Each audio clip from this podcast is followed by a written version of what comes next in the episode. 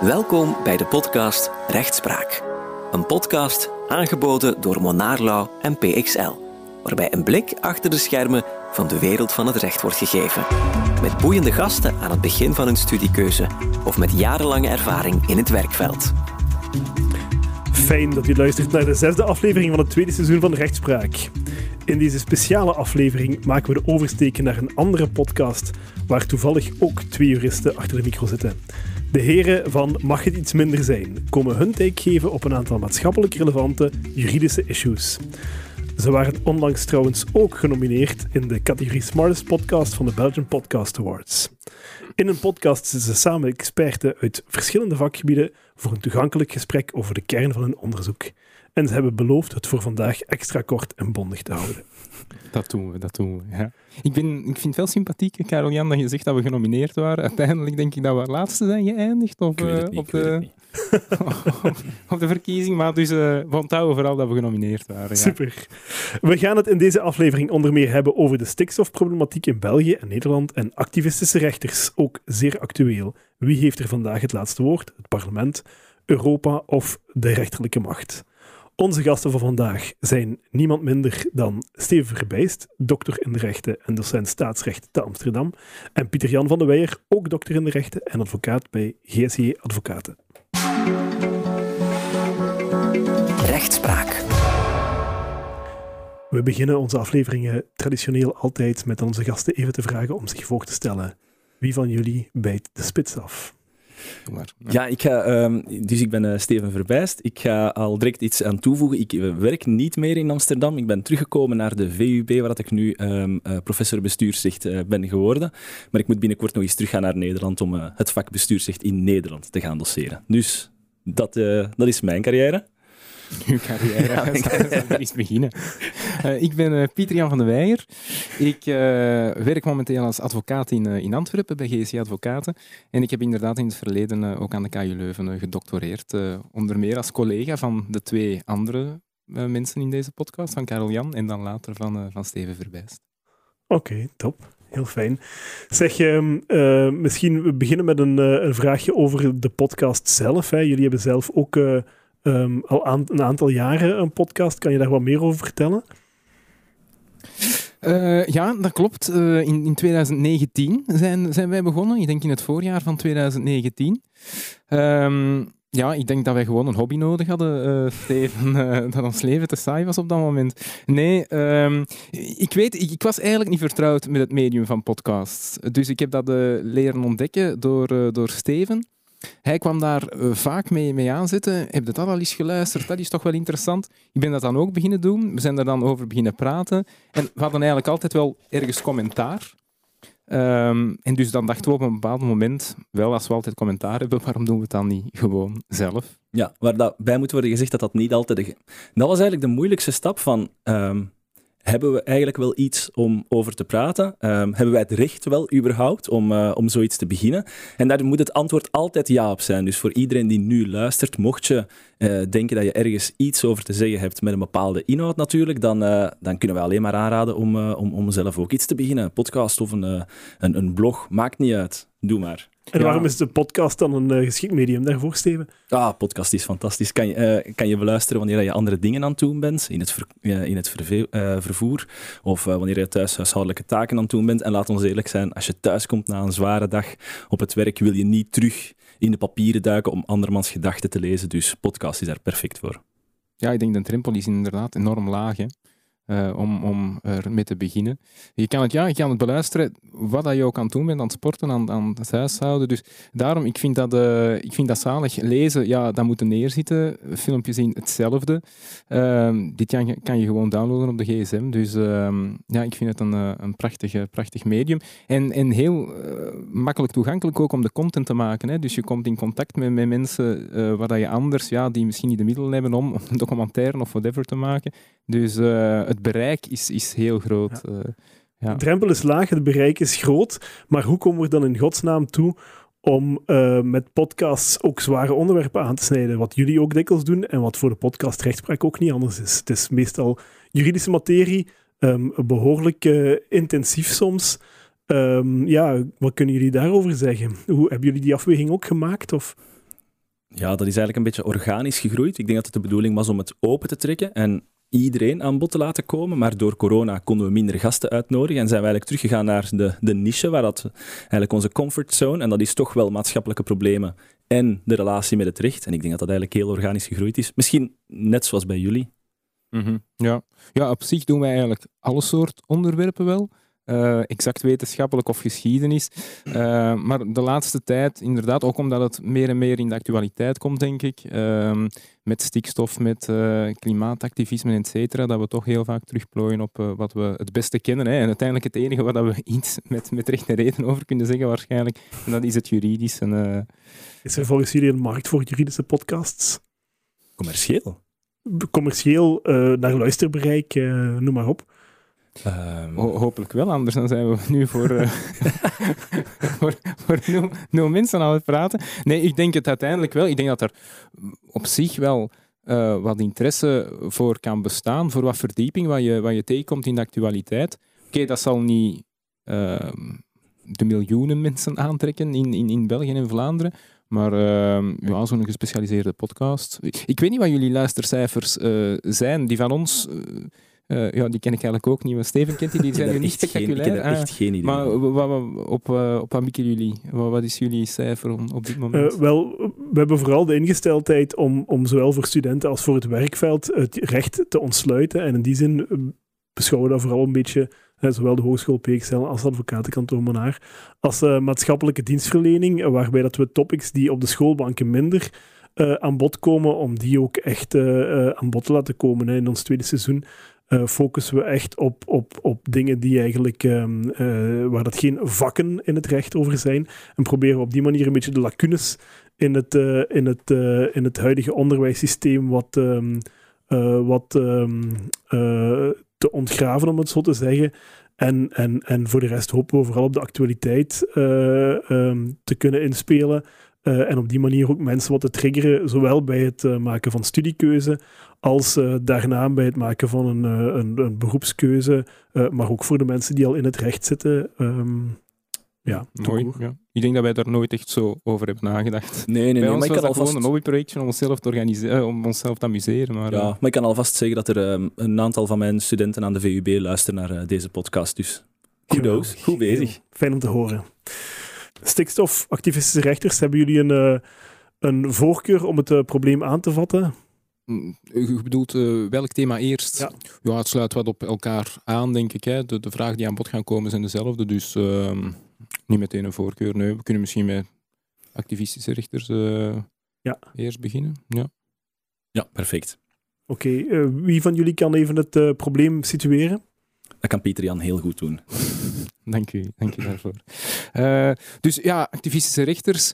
De vraag, hè, in hoeverre kan een rechter beleid uh, toetsen? Hè? Um, rechterlijk, of uh, overheidsbeleid, beleid dat komt van, van het parlement of van, van de regering. Um, en ja, je ziet bepaalde toepassingen in, in de voorbije jaren die misschien op het eerste gezicht wel lijken te wringen. Hè, waar dat de vraag wordt gesteld, gaat de rechter in zijn rechterlijke toetsing niet te, niet te ver? Een voorbeeldje daar is uh, ja, de klimaatrechtspraak. Hè. Uh, de vraag, de rechter heeft daar beslist dat de overheid eigenlijk te weinig doet in zijn beleid rond klimaat, of het terugdringen van uh, broeikasgasemissies. Uh, is de rechter daar niet te ver gegaan? Is de rechter dan niet op de, de, de plaats, op de stoel van ja, het parlement en of uh, de regering, de overheid gaan, uh, gaan zitten. Dus daar, daar draait het om, dat is het, uh, het, spanningsveld. Je ziet dat daar, je ziet dat ook op, op andere plekken. Asiel en migratie is ook een klassieker, hè, waar dat me dan hoort dat rechters soms iets te ver durven gaan, al dan niet terecht. En daar zullen we zo dadelijk nog op terugkomen. Maar ja, de vraag in die trias politica, hè, dus je hebt drie machten, de uitvoerende macht, de, de wetgevende macht en de rechterlijke macht, die elkaar in balans moeten houden, is de rechter in die trias politica niet zijn rol uh, te, buiten, uh, te buiten aan het gaan.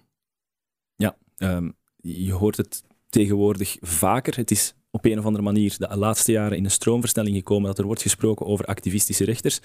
Ehm, ik kan mij niet van de indruk ontdoen dat dat ehm, eh, ingegeven is door het feit dat uh, met een, men het er in de politiek niet helemaal mee eens is.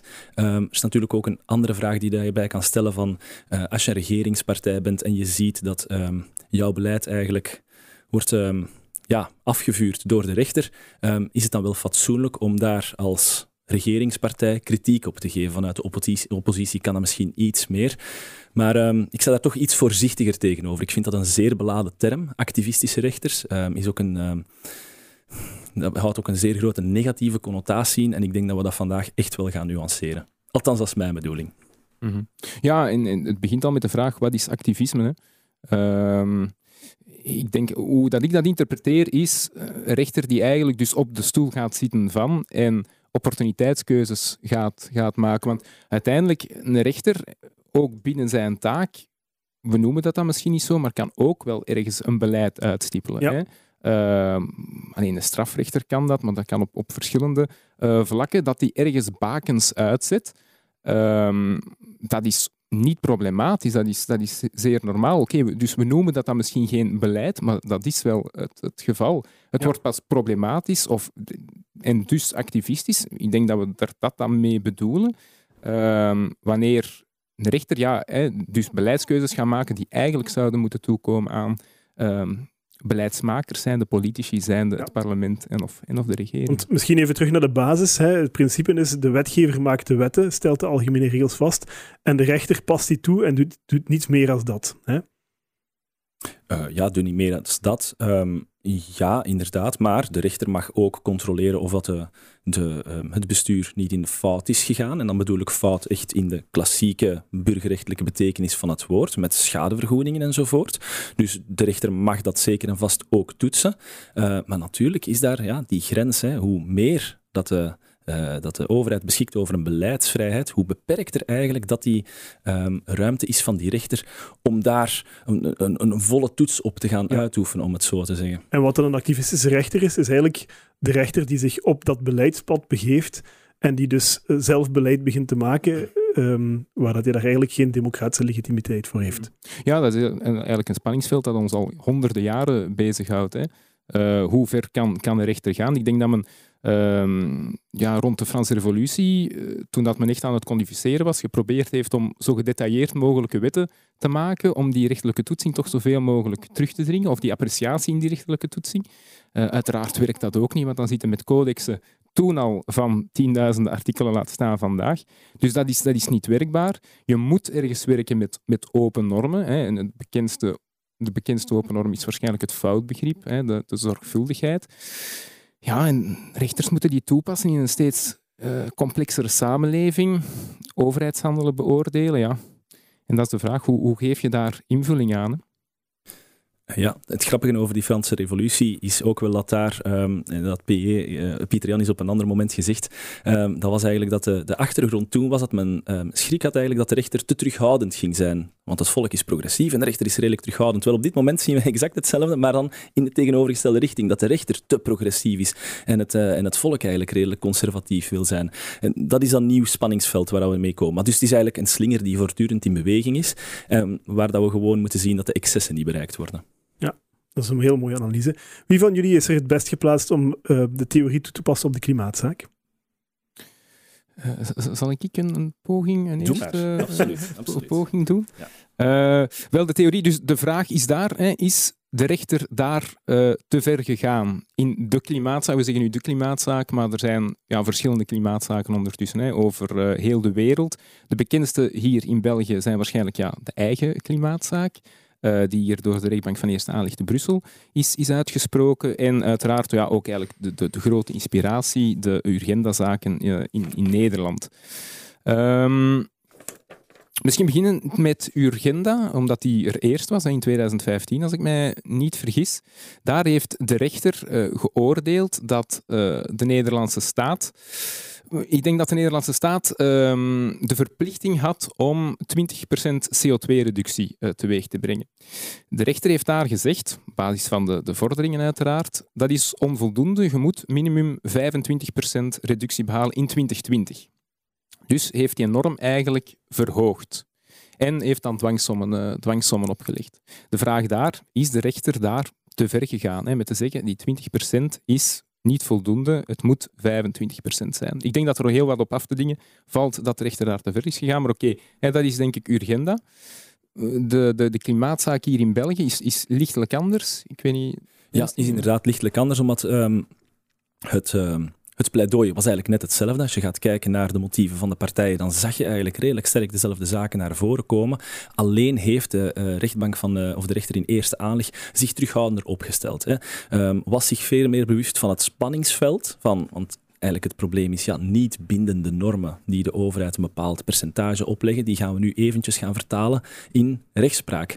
Eh, die voelen zich daar minder comfortabel bij en daar heeft de rechter enkel gezegd van ja, er is inderdaad een uh, tekortkoming. De Belgische staat doet niet voldoende om de CO2-uitstoot terug te dringen, maar het is niet aan ons om als rechter uh, te zeggen Um, wat dat dan wel het exacte percentage is dat je moet halen. En ik weet dat Pieter Jan, we hebben daar al vaak over gesproken, en Pieter Jan voelt zich daar een beetje gevrongen in, om, want ik ga je nu parafraseren, omdat als de rechter dan toch zegt dat er te weinig moeite is gedaan, dan heeft die rechter in zijn achterhoofd, in zijn achterhoofd toch een minimumdrempel dat je zou moeten bereiken. Maar die is gewoon niet uitgesproken geweest. -hmm. Ja, voilà. Uh, dat, dat vind ik eigenlijk. En men, zegt soms: oké, de Belgische klimaatzaak is eigenlijk beter dan, dan Urgenda, rechtsstatelijk gezien, omdat wij, of de, de, de Belgische rechter dan toch, zich terughoudender heeft mm -hmm. opgesteld. Maar ik vind het allee, pedagogisch ook al heel raar dat je, dat je zou zeggen: Belgische staat, u doet onvoldoende. Maar wat dan voldoende is, ja, dat, dat laat ik in het midden.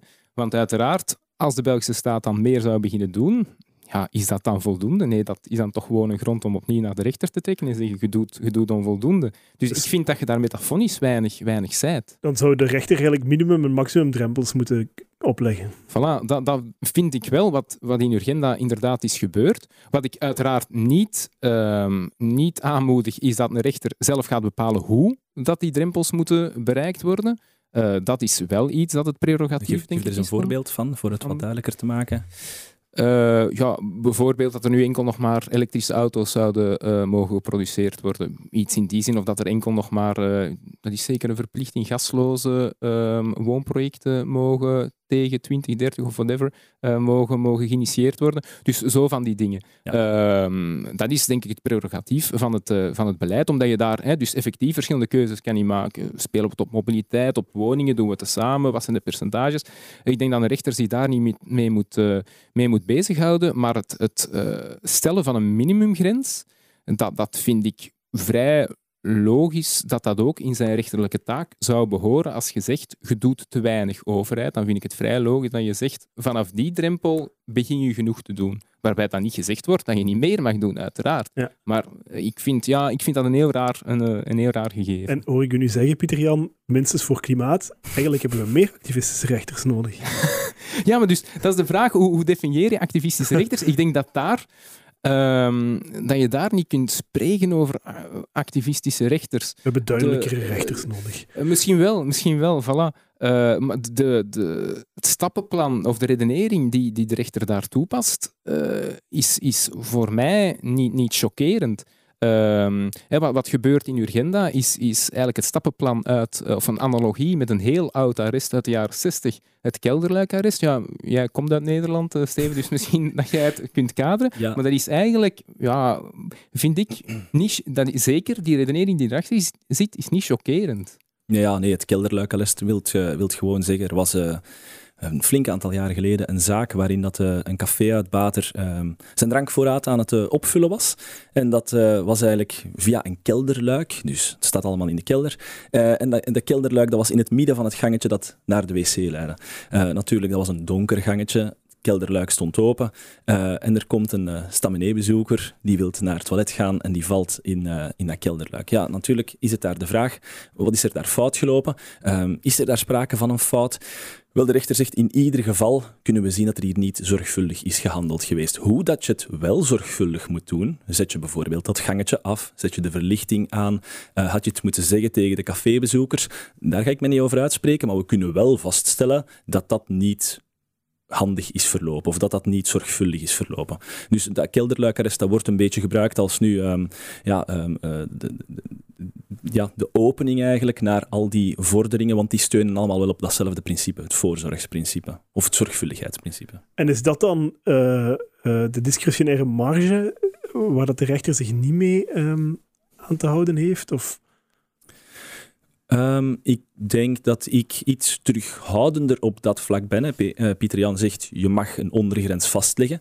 Ik ben daar nog niet zo zeker van. Ik zou ook nog een beetje willen nuanceren dat we spreken nu over twee uh, uh, rechtszaken. Dus enerzijds langs Belgische kant en langs Nederlandse kant. Wel, langs Belgische kant was dat rechter van eerste aanleg. In Nederland zaten we ondertussen al bij de Hoge Raad. Hè, dus eigenlijk het Hof van Cassatie. Dus we zitten wel over twee fundamenteel verschillende rechters bezig. Um, Oké, langs Belgische kant is het nu wel naar het Hof van Beroep gegaan. Dus de kans dat, dat, dat we daar binnen de eerste paar jaren uitspraak over krijgen, is uh, weinig zeggend. Um, is dat de marge die aan het bestuur toekomt? Ja. Dus het komt aan het bestuur toe om te bepalen wat het er dan wel had moeten gebeuren. Had het licht moeten branden? Had men iets moeten zeggen tegen die cafébezoekers? Allee, nu gebruik ik de metaforen van het kelderluik natuurlijk, maar dan toegepast op klimaat. Ja. Misschien belangrijk om daar nog op te merken, toch in de Nederlandse zaak, hè, waar dat dan wel is gezegd, uh, het moet 25% zijn. Dat percentage dat kwam niet uit, uit de lucht gevallen. Um, het was zo dat Nederland, of de Nederlandse regering, tot 2011 blijkbaar eigenlijk zichzelf had voorgenomen, zonder dat dat dan echt een bindende norm was, maar zichzelf had voorgenomen om 30% reductie um, te realiseren. Dat is dan in 2011 blijkbaar um, geminderd naar, naar 20% dat is één, één uh, element, hè, dat je eigenlijk als overheid zelf al hebt gezegd van ja, we moeten eigenlijk misschien meer doen, die 20% is, is misschien niet voldoende. Dat is één. Twee, ja, zit je met uh, al die internationale conferenties, klimaatconferenties die er zijn geweest, waar dat eigenlijk ook gezegd is, ja, we zouden om 2 graden te bereiken, een maximale opwarming van 2 graden, of eigenlijk idealiter anderhalve graad, zouden we eigenlijk een reductie moeten, moeten hebben van uh, eh, 25 tot 40 procent. Ergens in die range. In 2020 spreken we dan, hè, want dat, dat moet dan oplopen naar, uh, naar 2050. Dus uh, in klimaatconferenties, waar dat ook overheden in zitten, was dat al gesignaleerd, 25 tot 40 procent. De Nederlandse overheid had dus voor 2011 eigenlijk de benchmark gezet op 30%. Verlaag dat dan naar 20%. Ik vind dan als rechter dat het niet, opnieuw niet chockerend is. Uiteraard, je kunt daar verschillende kanten mee op. Hè. Er is niet één juist arrest of één juiste oplossing. Je kunt daar verschillende kanten mee op. Maar ik vind het niet chockerend dat een rechter dan zegt, tja, dat is, dat is wel raar. Hè. Je vermindert dat naar 20%. Een reden denk ik dat daar ook niet echt voor gegeven werd, of misschien louter budgetair. Uh, dus geen reden die, die in het verlengde lag van het milieu. Uh, dus dat men zegt, ja, dat is toch niet zo zorgvuldig. Je let ook op mhm. heel het wetenschappelijk arsenaal, wetende wat er op ons afkomt, als er inderdaad die klimaatverandering, of die, die, die verwarming van 2%, die opwarming van 2%, vind ik het niet chockerend dat je zegt, ja. nou, eigenlijk zouden we meer moeten doen. Dus eigenlijk heeft de rechter daar ook niet meer uh, gezegd dan als, kijk, uh, dit is wat jullie al hadden afgesproken, het komt erop aan om het nu ook te doen. Ja, inderdaad. En dus de critici van, van deze uitspraak, die gaan zeggen, ja, als je nu op een um, nieuwe klimaatconferentie komt, waarin dat um, laten we zeggen, niet bindende afspraken worden gemaakt, ja, wie gaat zich nu nog willen committeren om zoiets te zeggen? Um, en, en, en als daar dan iets wordt... Eh, dus men gaat er terughoudender op zijn. En de vraag is ook, ja, als daar dan een toegeving wordt gedaan, hè, um, de, laat ons zeggen dat de premier daar naartoe gaat en die zegt, wij gaan zoveel verlagen, heeft hij zijn backing? Hè? Is dat democratisch of is dat gewoon enkel de premier die dat, dat daar zegt om uh, in een kader van... Want het is bon ton om daar te zeggen, wij gaan meer ons best doen. En als je die er dan op gaat... Uh, als de rechter dan gaat zeggen, voilà, u heeft dat gezegd, ja, die gaat eigenlijk zijn woorden uit context trekken. Dat is wat de critici daarover kunnen zeggen. Hè? Dat alles uit de context een beetje wordt getrokken, want het was nu eenmaal uitgesproken in een conferentie waarin het bon ton was om dat toe te geven. Oké, okay, top. Expert tijd voor Expert aan het Woord, een vaste rubriek waar we elke aflevering een bekende naam twee stellingen voorleggen. En dit keer is dat Ronald van Krombrugge, advocaat bij Orion en doctoraal onderzoeker over referenda en hun plaats in de democratie. Expert. Ronald, eh, de eerste stelling, en je mag met ja of nee antwoorden en dan ook even kort motiveren waarom uh, dat je ja of nee antwoordt. Rechters durven vandaag de dag veel meer beleidskeuzes maken dan het parlement. Hm. Pas mag niet, vermoed ik. Nee, het moet ja of nee zijn en motiveren. Oké, okay, um, dan zou ik eerder nee zeggen. ik vind het een moeilijk antwoord, omdat één, dat is een empirische vraag, waar ik niet de gegevens voor heb om erover te antwoorden. Dus ik weet helemaal niet um, of dat, over het algemeen het geval is. Um, maar twee, mijn eigen aanvoelen daarin is um, dat rechters heel vaak ook maar gewoon moeten doen wat zij krijgen voorgeschoteld. Zij krijgen heel vaak heel vage wetgeving voorgeschoteld en de taak van een rechter is om te beslissen. En te beslissen over de dingen die, de problemen die zij voor zich krijgen. En als dan de richting die wordt gegeven door de wetgever niet duidelijk is, ja, dan moeten zij daar wel mee omgaan. Ja. Dus in zo het, het normale dagelijkse um, rechtsverkeer zie ik eigenlijk weinig bewijzen van het feit dat rechters nu activistischer zouden zijn dan vroeger. Ja, en eigenlijk zeg je dan, een rechter moet een beleidskeuze maken, terwijl dat de politiek dat misschien dan niet altijd ja. doet of minder doet. Een rechter moet wetgeving interpreteren, hè? Um, en heeft soms heel weinig aanknopingspunten. En ons rechtssysteem is daarop gebouwd om daarmee om te gaan. Hè. Daarom hebben we hoven van beroep, daarvoor hebben we een hof van cassatie. Um, en als een wetgever nadien um, echt van oordeel is dat de interpretatie die aan een bepaald stuk van wetgeving wordt gegeven echt niet klopt, of niet door de beugel kan, ja, dan is de oplossing simpel. Hè. Dan kan de wetgever de wet amenderen. Hè. Dus ons systeem is daarom opgebouwd om daarmee om te gaan. Um, het is pas als wetgevers soms zelf niet durven om beleidskeuzes te maken mm -hmm. en dan de hete aardappel door te schuiven um, naar de rechters dat er problemen ontstaan. Um, en dus in heel die discussie wordt het soms wel eens ook uh, ter sprake gebracht, maar ja, dat is eigenlijk niet zozeer de, de probleem van de activistische rechters, maar het probleem van slechte wetgeving. Oké, okay, dat is duidelijk. Gaan we naar de tweede stelling of uh, gaan we hier ook al eventjes over um, doorbomen, heren? Nee, ik, ik, kan me eigenlijk perfect aansluiten bij, uh, bij Ronald. Um, ik, uh, ja, ook ik zie eigenlijk, hoewel dat er heel vaak over gepraat wordt over activistische rechters, ik, ik heb het nog niet, niet veel gezien. misschien ja, dat je soms een chockerende krantentitel leest, maar als je dan wat gaat uitpluizen, ja, dan is er toch altijd een reden waarom dat deze of gene beslissing is genomen in, in een, uh, in een arrest. Dus uh, ik ben er ook nog niet echt uh, mee in aanraking gekomen, denk ik. Het valt mij ook heel hard op dat in heel die discussie heel vaak wordt verwezen naar activistische rechters en heel weinig wordt verwezen naar concrete uitspraken mm. die dan het voorbeeld zouden moeten zijn van zo'n activistische rechter.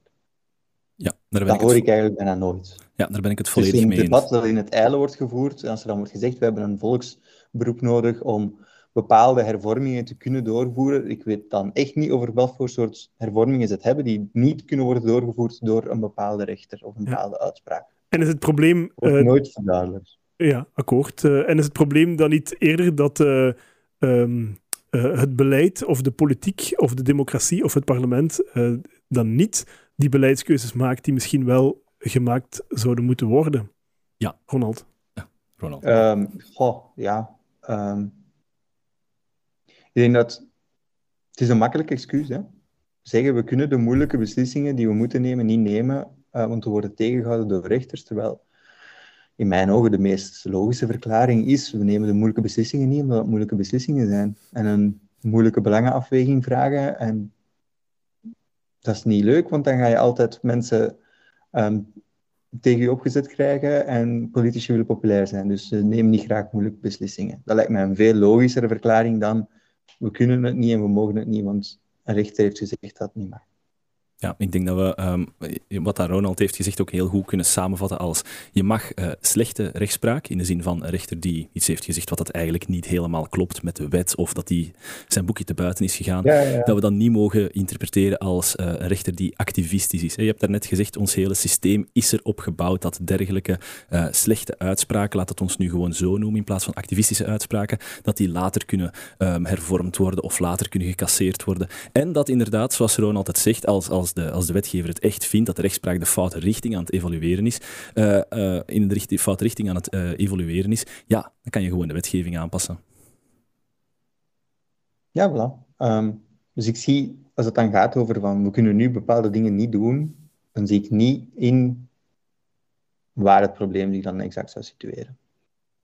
Ja, en de rechter heeft ook vaak de luxe niet om het op de lange baan te schuiven. Hè. Wat, wat de overheid wel kan, ja, de rechter, als hij een rechtszaak voor zich krijgt, een vordering, Ja, ja, je moet je iets zeggen. Hè. Ja. Mag niet een rechtsweigering doen. Mhm.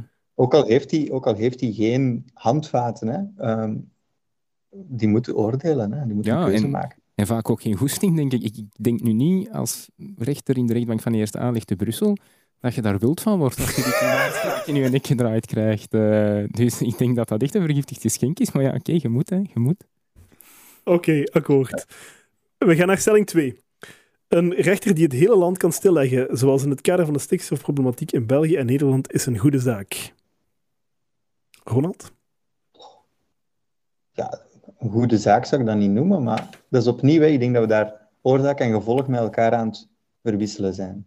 Er is een bepaald wettelijk kader, in deze zaak in grote, belangrijke mate gecreëerd door, door de Europese wetgever, dat dan moet worden omgevormd in eh, Belgische wetgeving, Vlaamse wetgeving, ehm, en moet worden uitgevoerd.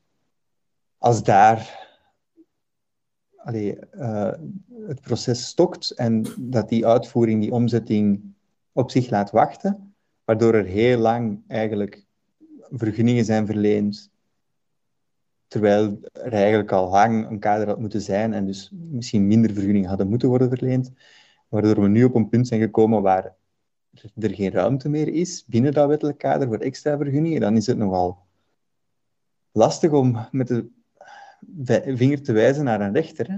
Opnieuw, die rechter die past toe wat er door het Ja. democratische verkozen organen op het Europese niveau is beslist. Dus uw antwoord is eigenlijk, het kan, het kan niet anders. Maar ja, het kan niet anders. Dus, het is nu aan de politiek. Hè. Dus ook het, het is, dat is het probleem. Hè. Een rechter die oordeelt over individuele zaken. Een rechter die kan geen belangenafweging doen, want die heeft niet alle gegevens voor zich om te gaan afwegen. Ehm, deze vergunning of die vergunning, dit project of dat project, welk project ehm, is eigenlijk het meeste waard? Dat kan een rechter niet doen. Dus zolang dat kader er niet is om in de huidige context te gaan afwegen, oké, welke projecten gaan we nog toelaten en welke projecten niet, ehm, dat moet er eerst zijn. Hè, en dan kan een rechter pas beginnen oordelen. Zolang dat kader er niet is, ehm, is een rechter gebonden door, door die limieten die er zijn. En, en die, een rechter kan dat niet zelf beginnen doen. Hè, van, ah ja, in, maar dit is nu wel echt een heel belangrijk project, dus nu mag het wel. Dat is een beetje het, is eh, gebonden door, door het kader dat er is. En, dat is een voilà, ja. beetje, ja, dat is een beetje het vergiftigd geschenk van, eh, van de politiek. Dus, eh, Sorry, dat is een beetje het vergiftigd geschenk van de vraag die wordt gesteld, eh, wat dat ook de politieke vraag is. En mag een rechter het land zomaar stilleggen omdat er een inbreuk is op de stikstofwetgeving? Ehm, ik begrijp die vraag van waar dat die komt, die wordt in de politiek ook zo gesteld, maar dat is eigenlijk geen juiste vraag. Een rechter oordeelt, zoals Ronald dat daarnet heeft gezegd, in een individueel geval, dat dat individuele geval een precedent wordt voor andere gevallen. Ja, daar kan die rechter zich ten eerste niet mee bezighouden. Dat is niet zijn taak. Daar is hij niet Mhm. voor, hè, want die heeft die andere gegevens niet. Maar dat is nu wel eenmaal het gevolg van het feit dat ja, als de wetgeving uitblijft, of de uitvoeringsbesluiten uitblijven, ja, dat er zo'n precedent, eh, zo'n precedentuitspraken komen. Dus dat is nu eenmaal ons systeem, hoe dat, dat in elkaar zit. Ja, dus eigenlijk is dat niet anders dan een fout van de wetgever die dan min of meer wordt vastgesteld door de rechter. Ja, eh, absoluut. Ja. En ik zou zelfs durven zeggen, eigenlijk principieel is het misschien een goede zaak dat de rechter dat, dat kan. Stel je voor dat het een argument zou zijn, ja, hè, mijn arrest gaat zo'n grote gevolgen hebben, ja, nee, dan- dan zal ik het maar anders formuleren of dan ga ik de wet niet toepassen. Dat dat een element ja, is in, dat, in dat uw is afweging. Voilà, voilà. Dus eh, alleen, we mogen denk ik ons pollen kussen dat dat effectief niet het, eh, het geval is. Ja, als de consequentie van een bepaald arrest is dat dat verder gaat dan het individuele geval, ja, opnieuw, dat is niet de betrachting van de rechter, dat kan wel de consequentie zijn, maar dan is het aan het eh, parlement of aan het beleid om daar iets, eh, iets aan te doen. Ja, en het grappige, en dat is ook wel actueel in het licht van het hele debat rond het volksberoep en het inperken van het grondwettelijk hof. Bij het grondwettelijk hof is dat wel degelijk mogelijk. Hè? Bij het grondwettelijk hof kunnen de gevolgen van een arrest gehandhaafd worden, omdat de impact van het arrest veel te zwaar is en kan de wetgever dan de tijd krijgen om zichzelf in lijn te stellen met, ehm, met de uitspraak van het grondwettelijk hof zelf. Hè? En het is daarom Ja, dat daar, je... Sorry, Ronald. daar zit ook wel met de specifieke situatie dat de arresten van het grondwettelijk hof ehm erga omnes werken. Hè? Ehm, en ex. Ja, de Dus vernietigingsgevolgen, in, de in dat soort vernietigingsarrest. Ja. situaties kan er wel, allee, dan ga, kan er echt de situatie gecreëerd worden dat, dat je ineens in een juridisch vacuüm terechtkomt, omdat de wetgeving gewoon wegvalt. Ehm, en kan het wel nodig, noodzakelijk zijn om die ehm, gevolgen te handhaven. Dat is nog iets anders, denk ik, in de stikstofproblematiek, want daar is een wettelijk kader. ehm, en dat wettelijk kader wordt toegepast door de rechter. En bij het uitblijven van een ander wettelijk kader dat nieuwe mo- mogelijkheden creëert in de huidige context, ja, kan de rechter niet zelf op eigen houtje belangenafwegingen gaan toepassen. Ik denk dat dat gewoon de essentie is. Oké. Sava, bedankt eh, Ronald voor jouw inbreng en ehm, graag tot een volgende keer. Dag.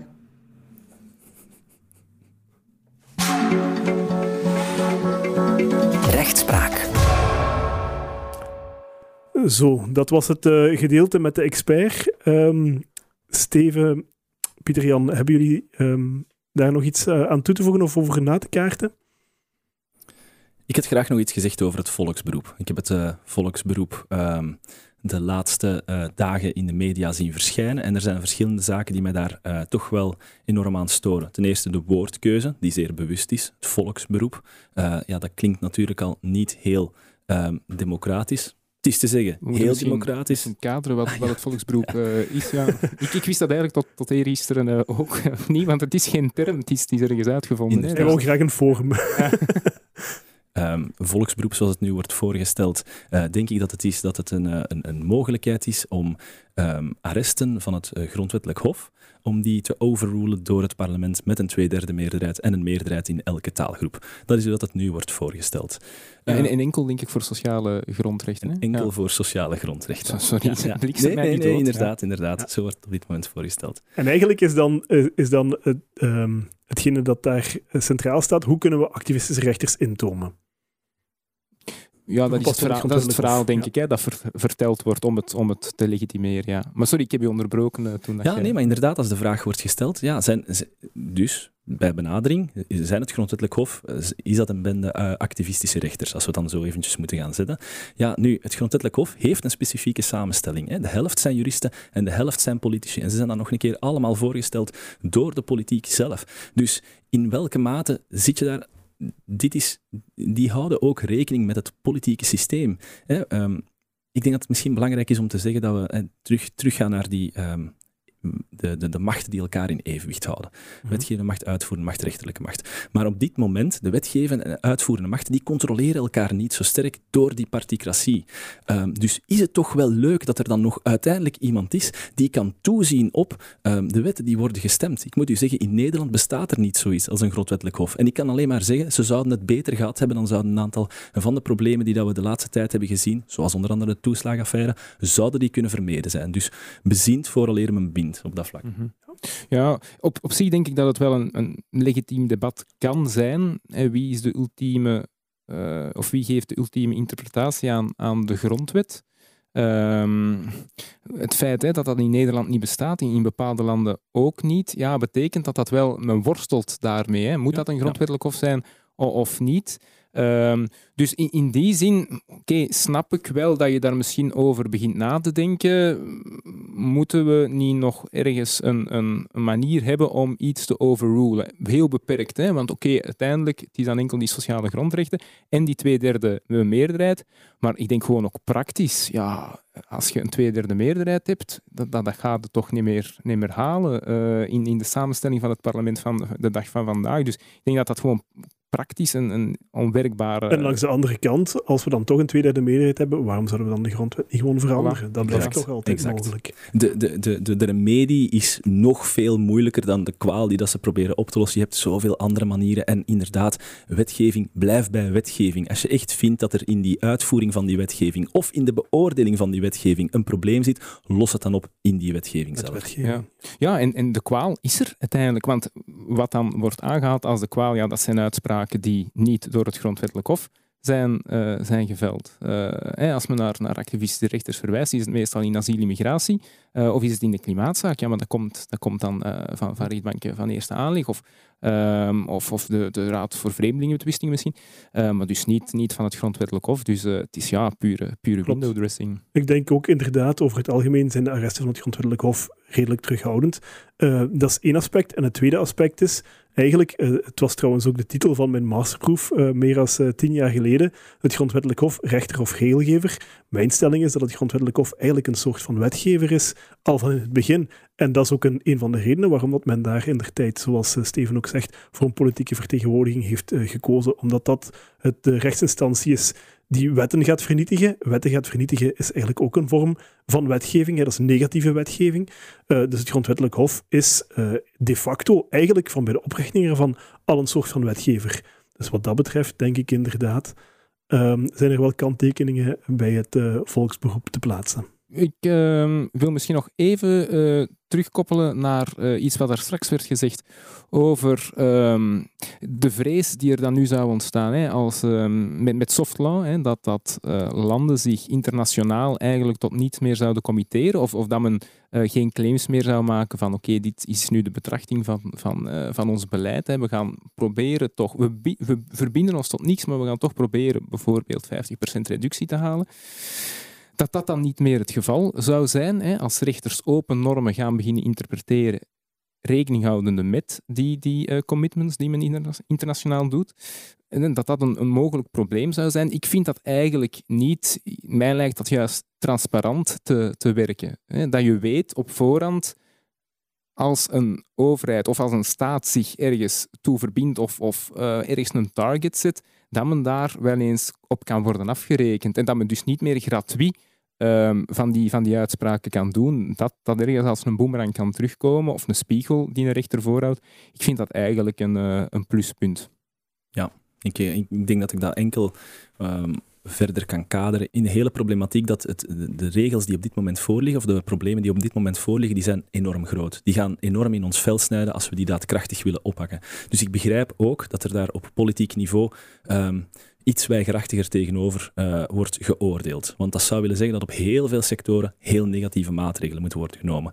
En dat dan, doordat stilzitten op een bepaald moment een aantal mensenrechten in het gedrang komen, hè, zoals bijvoorbeeld bij de klimaatzaken, artikel uh, 2, uh, artikel 8 uh, van het EVRM, recht op leven, recht op gezin, ja, um, dan is het wel aan iemand om te handelen. En dan zal het wel aan die rechter zijn om te moeten handelen. Ja, oké.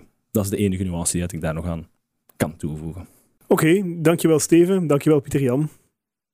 Dankjewel dat wij hier Dankjewel eh, voor de uitnodiging. Nog heel veel succes met de rechtspraak.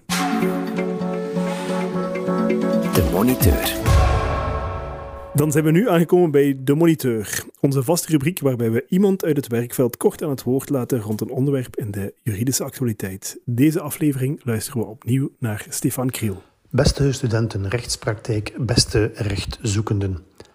Welkom bij alweer een nieuwe editie van de Moniteur, het zenuwcentrum van waaruit wij de actualiteit uit het juridisch milieu voor u monitoren.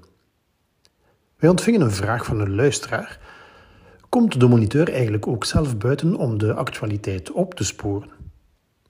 Ofwel verwijt deze luisteraar de moniteur een ongelooflijke luiheid dan wel wereldvreemdheid, ofwel is deze luisteraar oprecht verbaasd over de kennis van de moniteur van de actualiteit en drukt de luisteraar zijn bewondering uit. Wij zelf opteren geheel neutraal voor dat laatste scenario. Wat er ook van aan is, het is een feit dat wij bij de moniteur getraind zijn om u de juiste verhalen te brengen en daar de juiste vragen bij te stellen. Zo bekeken wij recent Duty of Care. U zou kunnen denken dat het een online game is, te oordelen aan deze titel, maar het betreft Duty of Care The Climate Trials. Een film van Nick Balthazar over de strijd die de Nederlandse klimaatadvocaat Roger Cox voert tegen vervuilende multinationals en nalatige overheden. Met een inventieve toepassing van het recht hoopt hij een nieuw soort klimaatactivisme te lanceren. Met succes. In 2015 won hij tegen alle verwachtingen in zijn eerste klimaatzaak waarin hij de Nederlandse overheid succesvol aanklaagde Daarna zou hij hetzelfde doen met de gigant Shell. Dichter bij huis zitten we met gelijkaardige discussies rond PFOS en PFAS en 3M. En de moniteur vraagt zich dus af of het nieuw is dat recht wordt ingeroepen bij milieurampen. Natuurlijk niet. Op 16 maart 1978 liep de Amoco Cadiz, een mammoetanker, aan de grond zowat 5 kilometer voor de kust van Bretagne in Frankrijk. Deze tanker was eigendom van het Amerikaanse Amoco en voer onder een Liberiaanse vlag en was op weg van de Perzische Golf naar Le Havre in Frankrijk. Na te zijn gestrand brak het schip in twee en stroomde er 233.000 ton ruwe olie in zee. Meteen na de ramp hebben Bretoense volksvertegenwoordigers van de betrokken gemeenten en departementen zich gemobiliseerd. Zij wilden schadevergoeding eisen voor de economische gevolgen van deze ramp. Er was een aantasting van de visserij, van de oesterkweek, het toerisme viel weg. Maar de Bretoense dorpen en hun advocaten vreesden dat de procedure lang zou aanslepen in Frankrijk.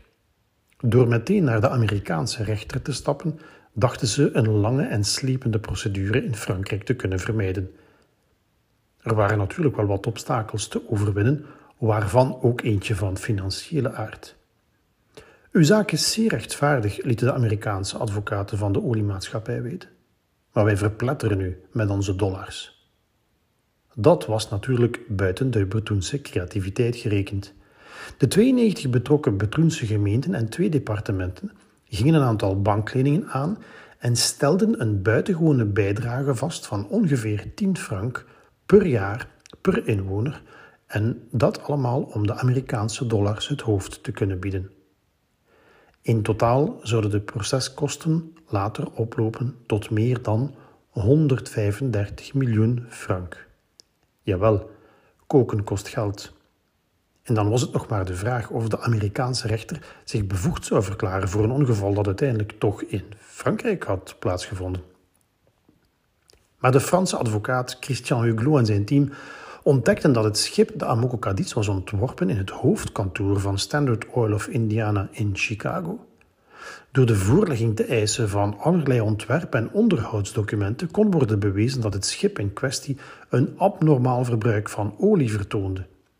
Dit bracht de verantwoordelijkheid van het moederbedrijf en de gebreken in het ontwerp en het onderhoud van het schip aan het licht. Op 24 januari 1992, dus toch 14 jaar later, deed de federale rechtbank in Chicago een definitieve uitspraak. Standard Oil werd veroordeeld tot betaling van meer dan 1 miljoen, 1 miljoen, 1 miljard frank aan de Franse staat en meer dan 220 miljoen frank aan de bevolking van Bretagne. In totaal wil dat vandaag zeggen bijna 200 miljoen euro. Maar er is meer. Uit de ramp met de Amoco Cadiz kwam ook nieuwe wetgeving tot stand. In 1995 werd de strafrechtelijke aansprakelijkheid van rechtspersonen in milieuzaken vastgelegd. Dus rechtspersonen zoals bedrijven, lokale overheden of verenigingen. Ook dat was een ware omwenteling. De uitbater van een bedrijf kon dus verantwoordelijk worden geacht voor het onderhoud van zijn installaties. Als er dus door gebrek aan onderhoud schade aan het milieu ontstaat, kan de rechtspersoon aansprakelijk gesteld worden om de schade van de slachtoffers van de milieuramp te vergoeden. En hoe zit het met ons recht? Is dat wat interessant om milieuzaken te behandelen? Houdt dat recht rekening met het algemeen belang? Er is goed nieuws te melden, want er is een nieuw burgerlijk wetboek. En de artikelen 3.133 en 3.134, die betrekking hebben op de afstand van beplantingen ten aanzien van persteelsgrenzen en overhangende takken of doorschietende wortels, brengen een nieuwe regel tot stand. Een buur kan de snoeiing, rooiing of de wegsnijding eisen van beplantingen die de minimale afstand niet respecteren. Ik citeer, tenzij de rechter van oordeel is dat zulks rechtsmisbruik uitmaakt. De rechter houdt bij dat oordeel rekening met alle omstandigheden van het geval, met inbegrip van het algemeen belang. Viel er u iets op? Jawel, de rechter mag met het algemeen belang rekening houden. Nochtans had ons hoogste rechtscollege, het Hof van Cassatie, in oktober 2021 nog resoluut geoordeeld dat wanneer een rechter moet beoordelen of een private partij rechtsmisbruik pleegt door zich op een bepaald recht te beroepen ten opzichte van een andere private partij, dan kunnen uitsluitend de private belangen tegenover elkaar worden afgewogen. Helaas kwam die uitspraak dus iets te vroeg. Maar kijk, ons nieuw burgerlijk wetboek staat dus niet langer haaks op een transitie van het recht naar een duurzamere samenleving, waarin ook het algemeen belang in rekening wordt gebracht. Het enige probleem? Doordat het burgerlijk wetboek volledig is gewijzigd, vreest de moniteur dat nog veel bomen zullen moeten gesnoeid en gerooid worden om papier te leveren voor het drukken van al die nieuwe wetboeken. Dat is natuurlijk minder duurzaam. Gelukkig is de moniteur digitaal en duurzaam. Over en uit tot een volgende moniteur. Dit was Rechtspraak, een podcast van Monaarlau en PXL. In de volgende afleveringen gaan we het onder meer opnieuw hebben over klimaat en energie, de metaverse en nog zoveel meer.